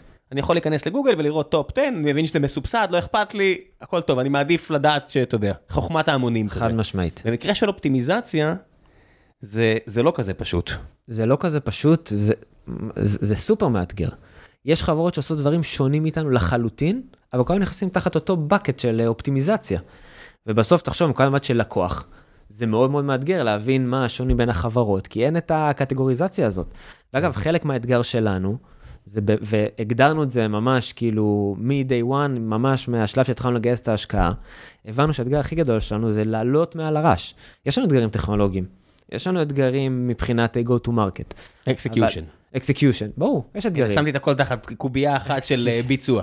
קל, לא? בדיוק, כן. בדיוק. אבל בסוף, לדעתי האתגר הכי גדול שלנו זה לעלות מעל הרעש. מעל מפלס הרעש, שהוא אגב הוא מאוד מאוד גבוה. מאוד. זאת אומרת, מאוד. יש מלא חברות שנכנסות. לעולם הזה. ואני. אומר לך, אין כמעט אף אחד שדומה לנו, באמת אני אומר. אין כמעט אף אחד שדומה לנו, אבל אין עדיין קטגוריז- קטגוריזציה, אז הלקוח לא כן. מבחין. בתקופה כזאתי, אני גם כשאני מסתכל על מה שאתה עושה, כשאני שומע את זה פעם ראשונה, אני גם מיד חושב על הרולאפ שצריך לעשות מתישהו. לא, באמת, תחשוב, כי יש לך חברות שמנסות לעשות לי סדר בהוצאות אה, SaaS שלי, של as a Service, ברמה של בוא רק תראה על מה אתה מוציא, אבל לא בהכרח רק על תשתיות ענן, אלא בוא תראה אם יש לך מיקס פאנל והיפ ואמפליטוד בטעות בכל השלוש, בוא תראה מה יש לך, אז אתה לא, לא מתיימר לעזור לי בזה, אבל ה finance רוצים גם את זה. ואז אתה אומר, האם יהיה קונסולידציה, roll-up, חברה אחת שתבוא ותבנה את כל המעטפת הזו, וזה לא יכול להיות המייקרוסופט, גוגל או אה, אמזון, כי הם לגמרי צד בסיפור, הם לא יכולות להציע לך מוצר שהוא הכל, כי ראינו זה למשל אלומה כזה, ש-GCP קנו, אז מיד אלומה אמרו לי אין יותר שירות ב-AWS. נכון, נכון, ובטח לקוחות enterprise היום, ב-95% מהמקרים יש להם אסטרטגיית multi cloud. זאת אומרת, הם כן. בהגדרה עובדים עם כמה ספקי ענן כדי להשתמש אד הוק במה שהם צריכים כל פעם. ולדאוג שאם אחד נופל אז יש לך נכון, redundancy. ויש גיבוי, וגם זה מחזק אותם במשא ומתן מול ה-Cloud Service Provider. אם הם רק ב-AWS, מאוד עוזר אז הם ש- לקוח שבוי. אם כן. יש להם גם GCP, והם יכולים בכל רגע להעלות workloads ב-GCP במקום, זה מאוד מחזק אותם במשא ומתן. כן, אבל הבעיה פה, ואם אתה רוצה מתקשר אליך, זה איגרס. AWS מאוד מאוד מאוד אוהבים שאתה דוחף דאטה פנימה, ומאוד אוהבים שאתה מוציא data החוצה, כי data החוצה, אתה משלם עליו משלם המון. המון. היי חבר'ה, לפני שנחזור לפרק הזה עם אלון, אני רוצה לספר לכם על נותני החסות שלנו, והפעם זו חברת דויט, שדרכה לפחות ב StreamElements, אנחנו מתעסקים בכל מה שקשור לשירותי ענן, אם זה גוגל או אמזון, תומכים מן הסתם אה, גם בוונדורים אחרים. לא משנה מה, כל מה שאנחנו עושים זה תמיד עם דויט, שעוזרת לנו לסדר את תוצאות הענן שלנו, אם זה בנראות של מה אנחנו עושים וכמה אנחנו צורכים, או בסיוע, מקום, בסיוע מציאת מקומות בהם אנחנו יכולים לחסוך, ואפילו בחוזים עצמם מול ספקיות הענן. דרך דורית אני יכול להגיד לכם שהגענו לעסקאות טובות מאוד בשנה האחרונה, שסייעו לנו לחסוך בתקופה שבה כל דולר חשוב. כמובן שזה לא רק הכסף, אלא גם התמיכה הטכנית שזמינה לנו 24/7 דרך החבר'ה שלהם, שהם חבר'ה חזקים ואני ערב לכך ברמה האישית, כי כאמור ניסיתי לגייס כמה מהם ולא הצלחתי. אה, אז אחלה דורית שבעולם. אני ממש ממליץ עליהם ברמה סובייקטיבית ואובייקטיבית, כמה שאני יכול כנותני החסות שלי פה, אז כנסו ל-doit.com, גיקונומי, אני אשאיר לכם גם את הלינק, תגידו ששלחתי אתכם, ואם אתם משתמשים בשירותי ענן של אחת מהענקיות, תעשו את זה דרך דויט. זה לא עולה לכם כסף וזה רק יכול לעזור. אחלה עסקה שאני אישית ממליץ עליה מאוד מאוד. ועכשיו בחזרה לפרק עם אלון, מקווה שאתם נהנים. וזה נגיד משהו באופטימיזציה, שאם אני עכשיו מביאים אותי כזה לקונסולטיישן ורוצים לחשוב איתי, אני אומר, בוא נראה הוצאות איגרס. בדיוק. הלכתם על הדבר הנכון, כדי לחזק את עצמכם מול הכל, אתה עובד עם Cloudflare ו-R2 ולא S3, אבל שמת לב שאתה מעביר ל-Cloudflare מ-AWS ונשחט על המחיר כאילו? בדיוק, בדיוק, נכון, אתה צודק במאה אחוז. אז איך אתה בוחר כאילו? אתה, אתה עושה אופטימיזציה, אתה הולך גם על ה networking? כן, חד משמעית. הולכים על networking. אגב, היום זה אחד הכאבים הכי גדולים של uh, ארגונים, ה networking. כן, פה בכלל שאלה. אבל אני יכול להגיד לך, אנחנו באסטרטגיה שלנו, אמרתי לך, אנחנו מוכווני impact. ועדיין, למרות שיש מודעות כבר יותר גבוהה מבעבר, EC2 זה עדיין ההוצאה הכי גדולה בהרבה, זאת אומרת, compute זה עדיין ההוצאה הכי גדולה משמעותית, ויש שם עוד המון מה לעשות כדי להוריד עלויות, אבל חד משמעית שבהמשך אנחנו נגיע גם לנטוורק. הוצאה מטורפת ולקוחות מאוד מודאגים ממנה. זה גם בא אחד על חשבון השני, אני אתן לך דוגמה, שזו נכון. דוגמה שאני מת עליה, של בוא אני אכווץ, אה, אני אעשה כזה פרוטו-באפים והכל, אני אכווץ את, ה, את ההודעות שעוברות בנטוורק, אני אומר, אוקיי, אבל אתה מוסיף לקומפיוט. נכון. בדקת מה, מה יותר זול, מה יותר יקר, עושה, "אה, אה, אה."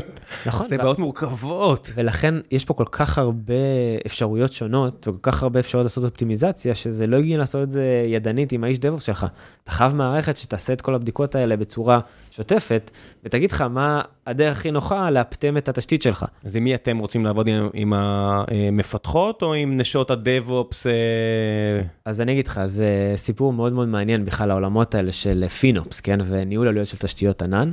אה, האחריות הזאת עוברת יותר ויותר לארגון ה platform, ש platform זה DevOps, SecOps, FinOps למעשה, ולכן אנחנו מבינים שבעצם הפונקציה הזאת בתוך הארגון זה הפונקציה הכי מעניינת מבחינתנו, כי יש לה גם את האחריות וגם יש לה סמכות עכשיו לעשות שינויים ברמת התשתית, כי ה-DevOps זה גם תחתיה. ולכן אנחנו מכוונים בעיקר לאלה, אבל מן הסתם יש לנו המון אינטראקציה עם ה engineers, עם כל המפתחים. אז זה מטורף. אז זה user שאנחנו חייבים לתת לו מענה והוא חייב לאהוב את המוצר שלנו. אתה בן 35 היום, וזה... בול. בסדר. לא היום, אבל כן. אתה יודע, 35, ו- ואיזה מטורף זה שאתה לא כל כך הרבה שנים בתעשייה, ותראה כמה דברים, היה IT, היה DevOps, היה, אתה יודע, יש גלי, עכשיו פלטפורם, SREs, אתה יודע, כל הדברים האלה, על פחות או יותר אותו דבר, אז ברור שזה השתנה, אתה כבר לא עולה לקומה 7 עם המפתח המיוחד ומחליף אה, אה, כונן, אבל בסופו של דבר, אבסטרקטית אתה עושה אותו דבר וזה כל כך שונה המקום בחברה היחס לחברה האלה החשיבות שלהם הדאגה להם כל הדברים האלה כולה ב-15 שנה איך הדברים האלה השתנו. מטורף, כן. מטורף. יש- העולם הזה זז בקצב מסחרר. אני רק חושב על ספר כמו ה Phoenix Project שמנסה אה, דרך סיפור דרך רומן להסביר אה, את החשיבות של DevOps המעבר מ-IT ל-DevOps. אני אקרא אותו עכשיו. זה כמו, לי, לא, זה כמו לראות מרקו, אני אומר, וואו, זה נחמד, זה מפעם. וזה, וזה כולה מ-2015 או 16 הגרסה האחרונה של הספר, וזה מרגיש כאילו, כן, אחי, ברור, כולם יודעים. מטורף, מטורף. כן, ולהקים חברות בדברים האלה, בגלל זה אני אומר, המחשבה הזאת של אתה תהיה פה עוד חמש שנים או שתמכור בדרך, נו, לא יודע. כן, קשה לדעת, קשה לדעת. אבל אני אני כן מכוון לטווח ארוך, זאת אומרת, זה כן החשיבה שלי, זה אני רוצה להיות חברה גדולה. ומה זה אומר שאת מי גייסת ראשון? מה הפונקציה הראשונה שגייסת? לעובדים, מה הפונקציה הראשונה שגייסתי? אתם שני שותפים, נכון? שלושה. שלושה, אוקיי. ש- אה, product, טכנולוגיה ואתה מנכ"ל? בדיוק. אוקיי. קלאסי. רגיל, הבאתם משקיעים. טובים, משקיעים שמכרו הרבה חברות, משקיעים שיושבים עכשיו בחברות עצומות שעוזרים, מייעצים, הביאו את הכסף הראשון. אתם קצת לא הייתם צריכים להביא כסף מהבית, כי יש את המשקיעים, פלוס עכשיו אה, משקיעים שהשקיעו בכם, אמרתי 10 מיליון דולר, ואז פונקציה ראשונה. אז ישב פה נגיד אלון חורי מ Next, שזה גם חברה שנייה שלהם או שלישית, אמר HR. ישב פה גור שץ, אמר משהו אחר. מה הפונקציה הראשונה שאתם הבאת- הבאתם? אז אני יכול להגיד לך שהפונקציות הראשונות שהבאנו זה product, research ו-Chief of Staff, שהיא עושה גם HR וגם אופרציה וכל הדברים האלה. Chief of Staff, זה חדש. כן, כן. אני, אגב, לי ברור שחייב, אתה יודע, לצד המנכ"ל להיות uh, מישהו, מישהי, שעוזר לך לדחוף את השוטף קדימה. אתה יודע, אחרת אתה טובע בתוך כל הבירוקרטיה של uh, ביטוחים ולא יודע מה, ופוליסיז, ואין סוף לדברים האלה. אין טרגדיה גדולה כמו מנכ"ל של חברה שאמורה להיות משמעותית, והוא Chief Email Officer, כמו שאנטוניו מרקז, שכתב את כאוס מנקיז, מספר על אדגרוק, חברה קיקיונית שהם הקימו ונמכרה אחרי תשעה חודשים לטוויטר ופייסבוק. איך לשתי חברות יקראו את הספר, והוא אומר, כל מה שעשיתי זה לשלוח בתקופה ולכתוב בלוג פוסטים, וזה מגוחך בעיניי. כן. זה כאילו חברה שאין לה שום זכות קיום ושום יכולת לגדול מעבר לשנה הראשונה. כן. לא, נכון, אני מבין. אני יכול להתחיל כאילו בנקודת המבט שלי, בסוף Chief of Staff, בסוף שנייה את הכותרת בצד, Operations, HR, חייב לזה מישהו שהוא מטפל בזה. בטח כשאתה בונה חברה שתוך uh, חודשיים מגיע כבר ל-15 עובדים, משהו כזה, אתה חייב מישהו שאחראי על כל הדברים האלה וסוגר את כל הדברים האלה, את כל הפינות האלה, אחרת קשה לרוץ מאוד מהר קדימה. כן, אפשר להסתדר בלי finance בתחילת הדרך, אי אפשר בלי מי שיפעיל את כל הדברים. אתה יכול לעשות finance חיצוני. כן, מייד וכל החברות האלה בארץ, אתה לא חייב מישהו in-house. חמישה עשר אני לא בטוח אפילו שאתה צריך. אתה צריך? יש לך? מה, finance פנימי? לא, לא, לא. אין סיבה, מיותר. זה לא משרה מלאה. מיותר, אבל... אבל מישהו שיפעיל את ה finance חייב. שיפעיל את ה finance חייב, שיפעיל את ה legal חייב. וזה תמיד המנכ"לית או המנכ"ל עושים, וזה כל כך טרגדי, כי הם לא עושים את העבודה שלהם. זה מאוד טרגדי, ואני יכול להגיד לך, אני רואה איך הפונקציה הזאת משפיעה על ה trajectory של החברה עכשיו, שלוש שנים קדימה אני רואה את זה, כי אני עכשיו יכול הרבה יותר לדבר עם לקוחות. אני בשלושה חודשים האחרונים דיברתי עם מעל 100 לקוחות. ואין מצב שהייתי יכול לעשות את זה אם לא היה מישהו שעושה לי offload לכל הדברים של השוטף של החברה. כן, אתה ו... מתאר בספר כל מיני סיפורים מגיל ושלמה ו... ושלל חברות שאתה מתאר בספר שהם שלושה אנשים, ואז אתה אומר, אוקיי, להם אין chief of staff, להם אין את זה. כן, אבל לקח להם איזה חמש-שש שנים להמריא. נכון, נכון. אתה רוצה מהר. נכון, בדיוק. ואגב, זה מה שלי היה מאוד חשוב מתחילת הדרך, Chief of Staff, היה לי גם מאוד חשוב UI UX ממש מההתחלה. Uh, מכמה סיבות. קודם כל, אני מאמין ש-UX זה לא רק מישהו שעוזר לך לפתח את המוצר, אלא זה גם מישהו שעוזר לך למכור. הרי בסוף אני עומד מול, אני עומד מול לקוחות, אני מגיע מול פרוספקט, אני רוצה לספר להם איזשהו סיפור ולהראות להם איזשהו חזון. עכשיו, אני יכול לדבר על החזון, אוקיי, יש הרבה יזמים שמדברים, אני יכול להראות להם, הנה, תראו, ככה זה הולך להיראות. המסך יהיה ככה, תלחצו פה וזה מה שיקרה. וזה פשוט נורא עוזר להעביר לקוחות את התהליך של להבין מה ייחודי בך ומה הערך שאתה יכול לתת להם. ולכן מבחינתי UI UX זה משהו שהיה לי מאוד חשוב שיהיה כבר מתחילת הדרך. אז זה היה day one? זאת אומרת בינואר שאמרת אם אני מגייס כסף זה היה החבר'ה הראשונים שגייסתם? אז אני אומר, גייסתי ב-day one product, research, chief of staff ו-engineers מן הסתם, אוקיי? אבל כן, התחלנו לגייס UX, הגיע חודש, חודשיים אחרי. עזר שזה פעם שנייה? זאת אומרת, אתה משתמש בזה? וואו, בלי סוף. אני יכול להגיד לך, אני בעבר... זה לא פייר, אה? אני תמיד אומר את זה למי שזה, זה, זה, לא, זה, לא פייר. אני אגיד לך את זה, בעבר לא הבנתי מה עושים big deal מ second timers. לא הבנתי, באמת אני אומר לך. לא יודע, כי הייתי first timer. זה נקרא de-risking. והלך לי סבבה. זה נקרא de-risking. לא, כן. זה עניין של, אתה יכול לפגוע 6-6 בקוביות, זה פשוט ההסתברות יותר נמוכה מלהוציא 7. לא, מה נכון, הסתברותית אני מבין, אבל אתה יודע, מהותית לא הבנתי. אין כאילו. הבדל בין מהותי להסתברותי. נכון, נכון, אני מסכים. אבל עכשיו אני מרגיש את זה ממש כאילו ביום יום, איך אני מצליח לעשות דברים על בסיס הניסיון שלי.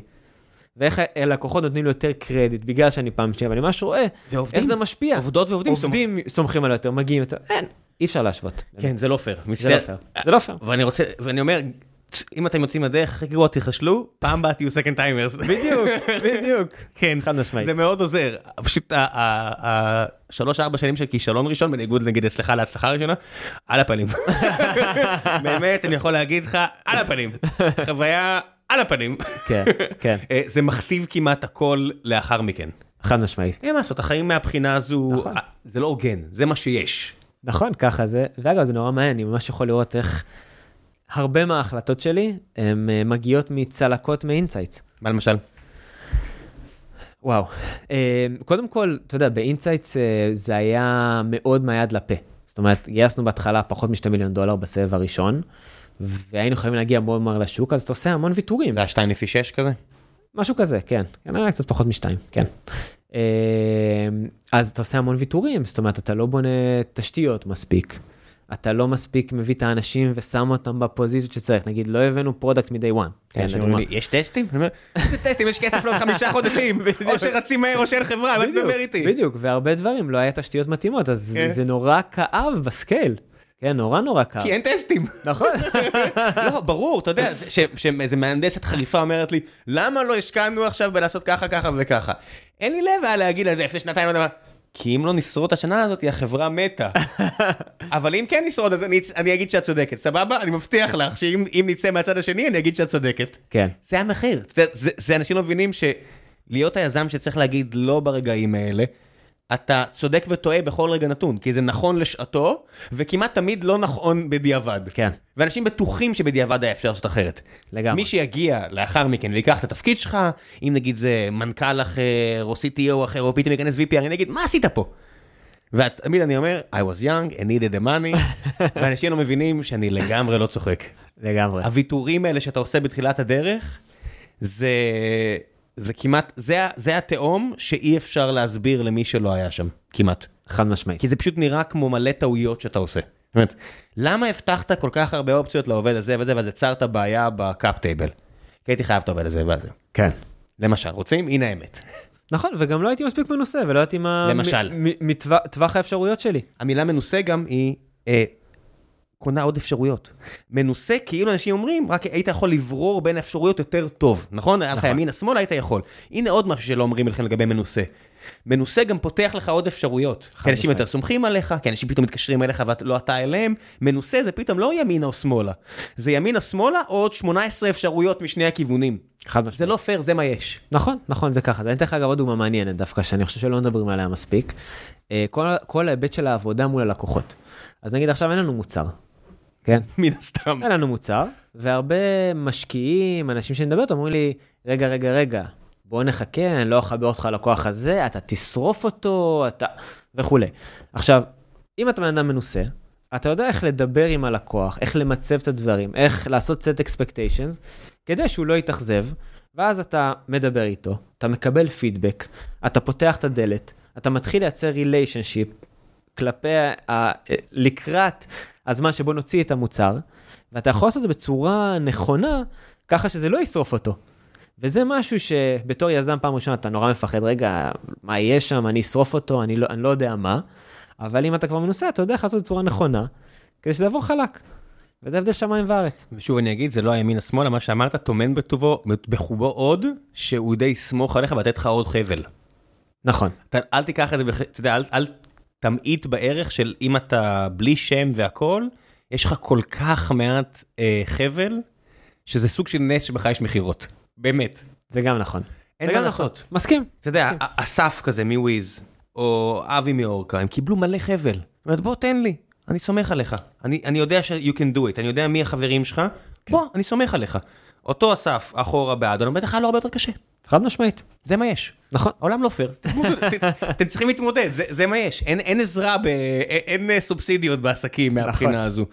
אה, מהבחינה הזו, תכף נעבור לשלב השאלות מן הקהל, ורציתי, כי היה כל מיני חבר'ה, כמו בועז מטוויטר, אה, שאמרו, אה, למה העובדים לא יצאו עם כסף מהעסקה שהייתה כל כך מוצלחת, והבטחתי לו שנשאל את זה. אז אני אגיד לך שמרגע שאנשים ראו את השאלה הזאת, חברים שלך קפצו, כל מיני אנשים שמכירים אותך ואוהבים אותך, שלחו לי בוואטסאפ, כמה? אני לא אציין את שמכם, אבל אתם כמה? תדעו, אתם לא אחד. וואלה. אמרו, תקשיב, אני אוהב את אלון, הוא לא, משהו פה לא מסתדר לי, מה קורה פה? מה, מה זה השאלה הזאת? אז הנה, אני אשאל אותך, מה קרה שם? מה קרה שם? עובדים ממורמרים? שנייה, קודם כל, אני, אני יכול להגיד לך שאני יצאתי בתחושה שהעובדים לא מספיק אה, תוגמלו באקזיט. זו הייתה התחושה האישית שלי, כן? אה, סובייקטיבי, זו התחושה, בסדר?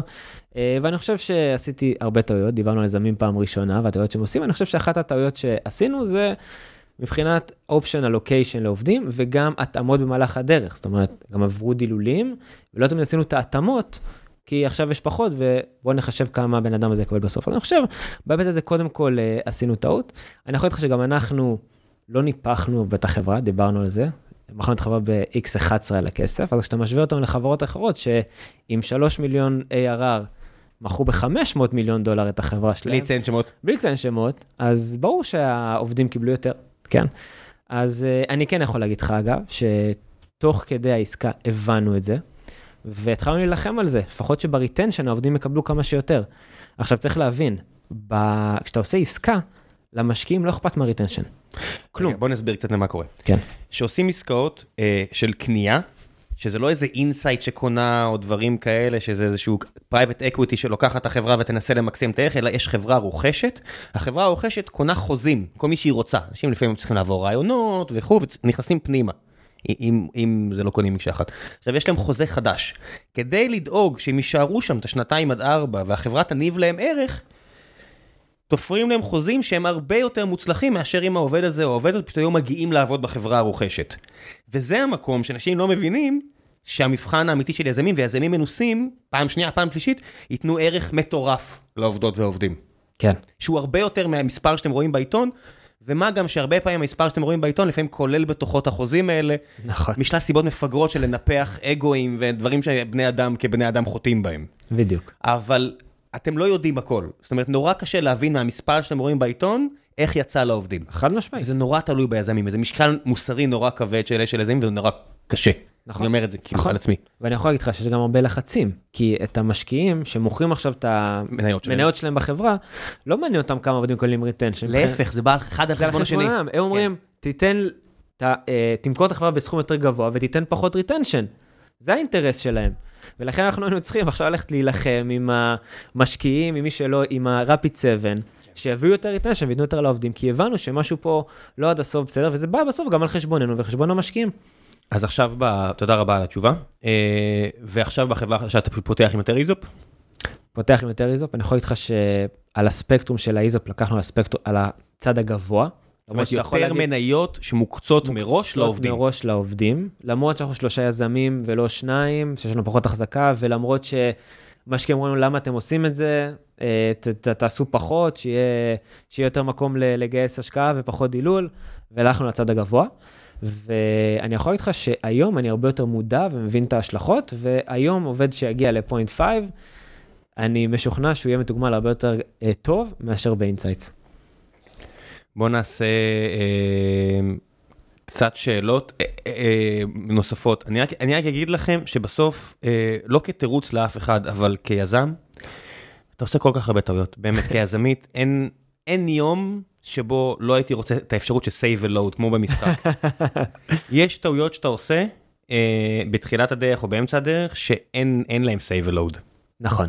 בניגוד ל- לקוד שאני אומר, אוי, סיימתי לעבוד אה, על מה שאני עובד עכשיו בעצמי, חזרתי לצערי, שותף שלי מכריח אותי לקודד לו משהו, סיימתי שישי בבוקר, אמרתי, טוב, מוצאי שבת, אמרתי, טוב, אני חזרתי, אמרתי, אני חייב לתקן משהו, יש אפשרות, באמת שיש. יש דברים כמו הסכמים, שאין להם save ולא, אתה פשוט חייב לחיות איתם, וזה יושב לפעמים עליך בצורה יוצאת דופן. אני יכול להגיד על עצמי שיש טעויות שאתה עושה, שאתה אומר, זה מה יש, וכמעט בלתי אפשרי לתקן לאחר מכן, וזו פשוט האמת. נכון. זה האמת. כן, אה, וגם בזמן שאתה בתוך הדרך, להוריד את היד, להוריד, להוריד את היד, להרים את הראש ולהגיד fuck שלי, כמו שחינכו אותי בצבא, זה גם בלתי אפשרי. נכון. כן, אה, גם בצבא, אם אתם רוצים, אה, עדיין לא פגשתי את הקצין שיבוא להגיד לאימא או אבא, לא הייתי צריך לעשות את זה, אני מצטער. אז פה אף אחד לא מת, אבל יש הרבה אנשים שמבואסים. נכון. נכון. אז זה הרבה יותר נחמד מזה שאף אחד לא מת, כי אתה תמיד יכול לבוא איתי אם אתה סומך עליה לפעם הבאה, אבל אתה לוקח החלטות, אתה לוקחת החלטות שנורא קשה לשנות אחרי זה. בלי להיות אפולוגטי לך או לעצמי. לא, אני מסכים. בסוף אתה בטח יזם פעם ראשונה, עושים טעויות. זה מה יש, צריך לחיות איתם. יש פה אנשים שרוצים למסור דש לאבא שלך שמואל, אחד ה-CFOים. כן, אבא שלי גם עובד בתעשיית הסייבר האמת. עוזר שאבא שלך חזק ב-finance? כן, מתייעץ איתו לא מעט, זה ממש נחמד. ובכלל, באופן כללי, אני חושב שכל השאיפה שלי להיות יזם ויזם tech מגיע מזה שגדלתי בבית של הייטקיסט כל השנים האלה. זה לא כן. משנה אם הוא CFO או CTO.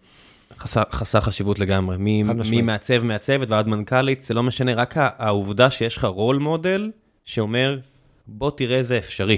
בגלל זה אני אומר, החבר'ה של אלמנטור, שיש להם כיפה שחורה, יכולים לפתוח את השער להרבה מאוד אנשים, אה, וכמו חבר'ה אחרים שאירחתי פה, ויהודית שהייתה כאן, שהיא מעצבת מ- עם, עם, אה, מהעולם החרדי בכלל, ועובדת בגוגל.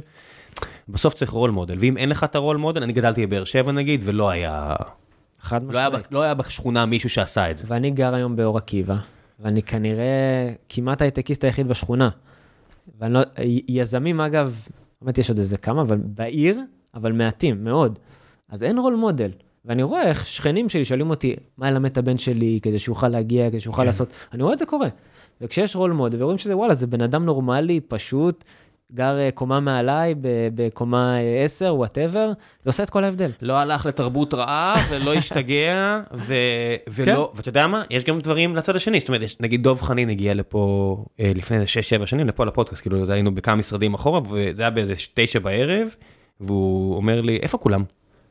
אמרתי לו, אחי, אתה חייב לצאת מהסרט הקומוניסטי, לא, זה לא סין פה, לא עובדים פה, לא, לפעמים חייב, אבל זה לא מצאת החמה, צאת הנשמה, זה לא... אתה, אנחנו לא, אין פה מלחמת מעמדות, תירגע. וקרל מרקס, אמ, איפשהו כן, זה הנטייה שלו, הוא לא מבין שהעולם השתנה מהבחינה הזו, או הבין אז. והיה לנו אחלה שיחה, וכאילו, אתה יודע. בסוף צריך להכיר את המציאות, ועד שאתה לא מכיר את המציאות אתה תקוע בתפיסות שווא. אז מהבחינה הזאת זה מאוד עוזר, העולם שוב לא פייר. חשוב מאוד. יש הרבה מאוד, נגיד אמרו על ישראל הראשונה שנייה, על אה, 8200 ו-49 וכל היחידות האלה ומצוב. כן, אם לא גדלת בשכונה שיש מישהו שיודע להכווין אותך מגיל צעיר לדברים האלה, פלוס פריבילגיות כמו קנו לך אה, מחשב, כי מה לעשות שבגיל 12 אתה לא יכול לרכוש לעצמך בטיח. נכון. כן, העולם לא פייר מהבחינה הזאת, והיכולת של מדינה אה, לעזור היא מאוד מוגבלת, לא משנה מה תגידו לי. זה הרבה מה. אתם תעשו לסביבה שלכם, וכמה אתם רוצים אה, לפתוח את הראש לסביבה שלכם. מסכים, וגם בספר אני מדבר על הניסיון להרים אה, תעשיית סייבר בבאר שבע, שהוא לא צלח בשורה התחתונה. כן, אני, אני, הנה, דיברנו שיש לי אלרגיה לשקרים, ס, אה, עיר הסייבר. יש בניין בהרצליה עם יותר סייבר, יש בניין בתל אביב עם יותר סייבר מכל העיר, די נו, זה כמה אפשר. ברור, ברור, אין שם כמעט, וזה לא הצליח, כי כשמנסים מלמעלה ל- ל- להזיז דברים, זה נורא קשה. שאומרים שמנסים מלמעלה. שום, שמע, דובאי.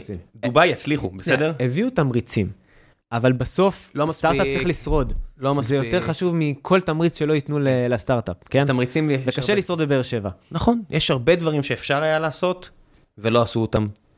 אתם רוצים להגיד לי שאי אפשר לברוא יש מאין? תלכו לאיזה כפר דייגים בסין שהפך להיות מרכז הטכנולוגיה הכי גדול בעולם, מ-40 ל-20 מיליון אנשים, דובאי עשו את זה, דרום קוריאה עשו את זה, שלושת המקומות האלה מלמעלה למטה. כן, גואן גואנג'ו, גם דרום קוריאה, גם דובאי. בשלושת המקומות האלה מלמעלה למטה מעצמות כלכליות. דובאי זה לא רק הגז שלהם, זה לא רק הנפט שמגיע דרך אבו דאבי, כאילו הכספי נפט. הם עשו דברים נכונים אה, כלכלית. אפשר לפעול נכון כלכלית וחברתית, זה אין תירוצים. זה פשוט לא יכול להיות רק למעלה למטה, ובטח לא שאתה עושה את זה לא נכון. כן.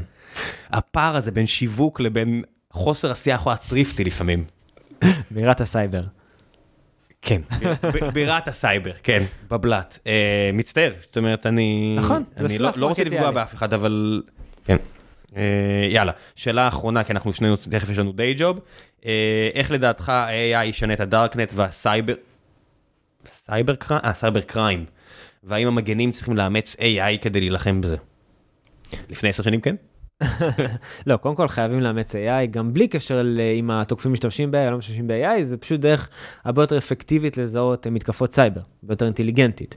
אז זה קודם כל ברמה הכי בסיסית. אני יכול להגיד לכם שעכשיו תוקפים חד משמעית הולכים להשתמש ב-AI, כבר יש עדויות על מתקפות שמהוות לדוגמה דיפ פייק, לצורך העניין, וברור שהשתמשו ב-AI כדי לעקוף אנטי וירוסים. אה, בצורה כזו או אחרת, אה, ולכן חד משמעית האיומים יעלו בגלל AI, וזה דורש מהתוקפ... מהמגנים להיות גם הרבה יותר מתוחכמים ולהשתמש ב-AI בעצמם. אה, אני יכול להגיד שגם השימוש של ארגונים ב-AI גם פותח סיכונים חדשים. זאת אומרת, אני לא, לא מתפלא אם היום עובדים לדוגמה מעלים ל-Chat GPT מידע יש לי סודי, פריחה מלשמוע את זה. מידע סודי, וזה איום סייבר בסוף של דלף מידע. אני חושב שמהר מאוד מייקרוסופט, אם הם כבר לא עשו את זה, כי ראיתי אתמול כבר שיש בערב שעבדתי עם זה, יש גרסה חדשה, הם שינו את ה-UI שם ב-Chat GPT, אני מניח שמהר מאוד, כמו שאם אתם רוצים לעשות נגיד crawler על רשת חברתית, אז הוא אומר לך, היי, אם אתה עושה crawling על רשת חברתית, אולי עדיף שתשתמש ב-API רשמי, נגיד. אז אותו מידה הם להגידו, יגידו, תקשיב, זה PII, תיזהר. כן. זה מייקרוסופט, הם לא ירצו... התביעות יגיעו. אני מסכים. אבל... הם אומרים את זה שהם לא, הם לא שומרים על המידע. כן. אני מסכים, אבל עדיין, ארגון ירצה לשלוט בזה. הרבה פעמים אה, פתרונות סייבר באים לעזור לארגון בעצם לשלוט במה יוצא, מה נכנס, לעשות policy, משהו שמתאים לאסטרטגיה של הארגון, ובמקומות האלה משתלבים החברות סייבר בסופו של דבר. כן, כל מה שקשור לדיפ פייק הולך להיות אתגר... אה, חד משמעית. מרתק אגב. יותר כרגע יותר מפחיד אותי, מפחיד, אותי, גם אבל, מפחיד. אבל פחות על החברה ועל דברים כאלה ויותר על הסוסייטי. נכון. אני, אני פשוט רואה שחצי שנה מהיום, או מתי שלא יהיה פה שוב בחירות, נגיד עוד שלוש שנים, ירוץ בוואטסאפ שלכם סרטונים של בנימין נתניהו אומר דברים שהוא לא אמר, ירוץ סרטונים של יאיר לפיד אומר דברים שהוא לא אמר, ו, וגם אם אתם לא תאמינו, אבא שלכם או סבא שלכם יאמין. מפחיד. המלצות, לפני שמסיימים. משהו טוב שקראת, ראית לאחרונה, עשית, הספר שלך ברור, אני אשים לינק, אחלה ספר המלצה שלי. אתה והעורך הנפלא גרשוני. באמת עורך נפלא אגב. באמת, חבל הזמן. כן, לא, אני... לא היה לי ספק גם לרגע. עשה לי קואוצ'ינג, תחשוב שאני כתבתי את הספר הזה, בחיים לא כתבתי לפני כן. והוא עשה לי קואוצ'ינג של איך לכתוב ספר. לא, לא, תותח, תותח. אה, אז אני ממליץ על הספר, המלצות אחרות. אז אני קורא עכשיו ספר, קודם כל אני אוהב ספרים, כן? אני תמיד גם רציתי לכתוב ספר, בערב השקה בא אליי אחד העובדים שלי ואמר לי, אלון, לא יודע אם אתה זוכר, לפני שנתיים היה לנו סדנה של חלומות, ואתה כתבת שהחלום שלך זה לכתוב ספר, ווואלה, הגשמת.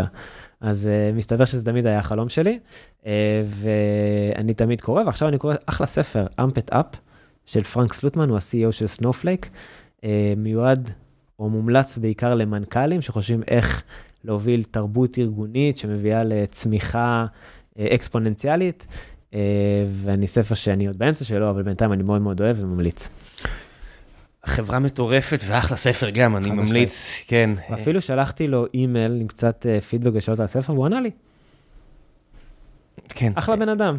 אה, כן, יש לך בספר אה, שלב שאילון מאסק עונה לאיזה...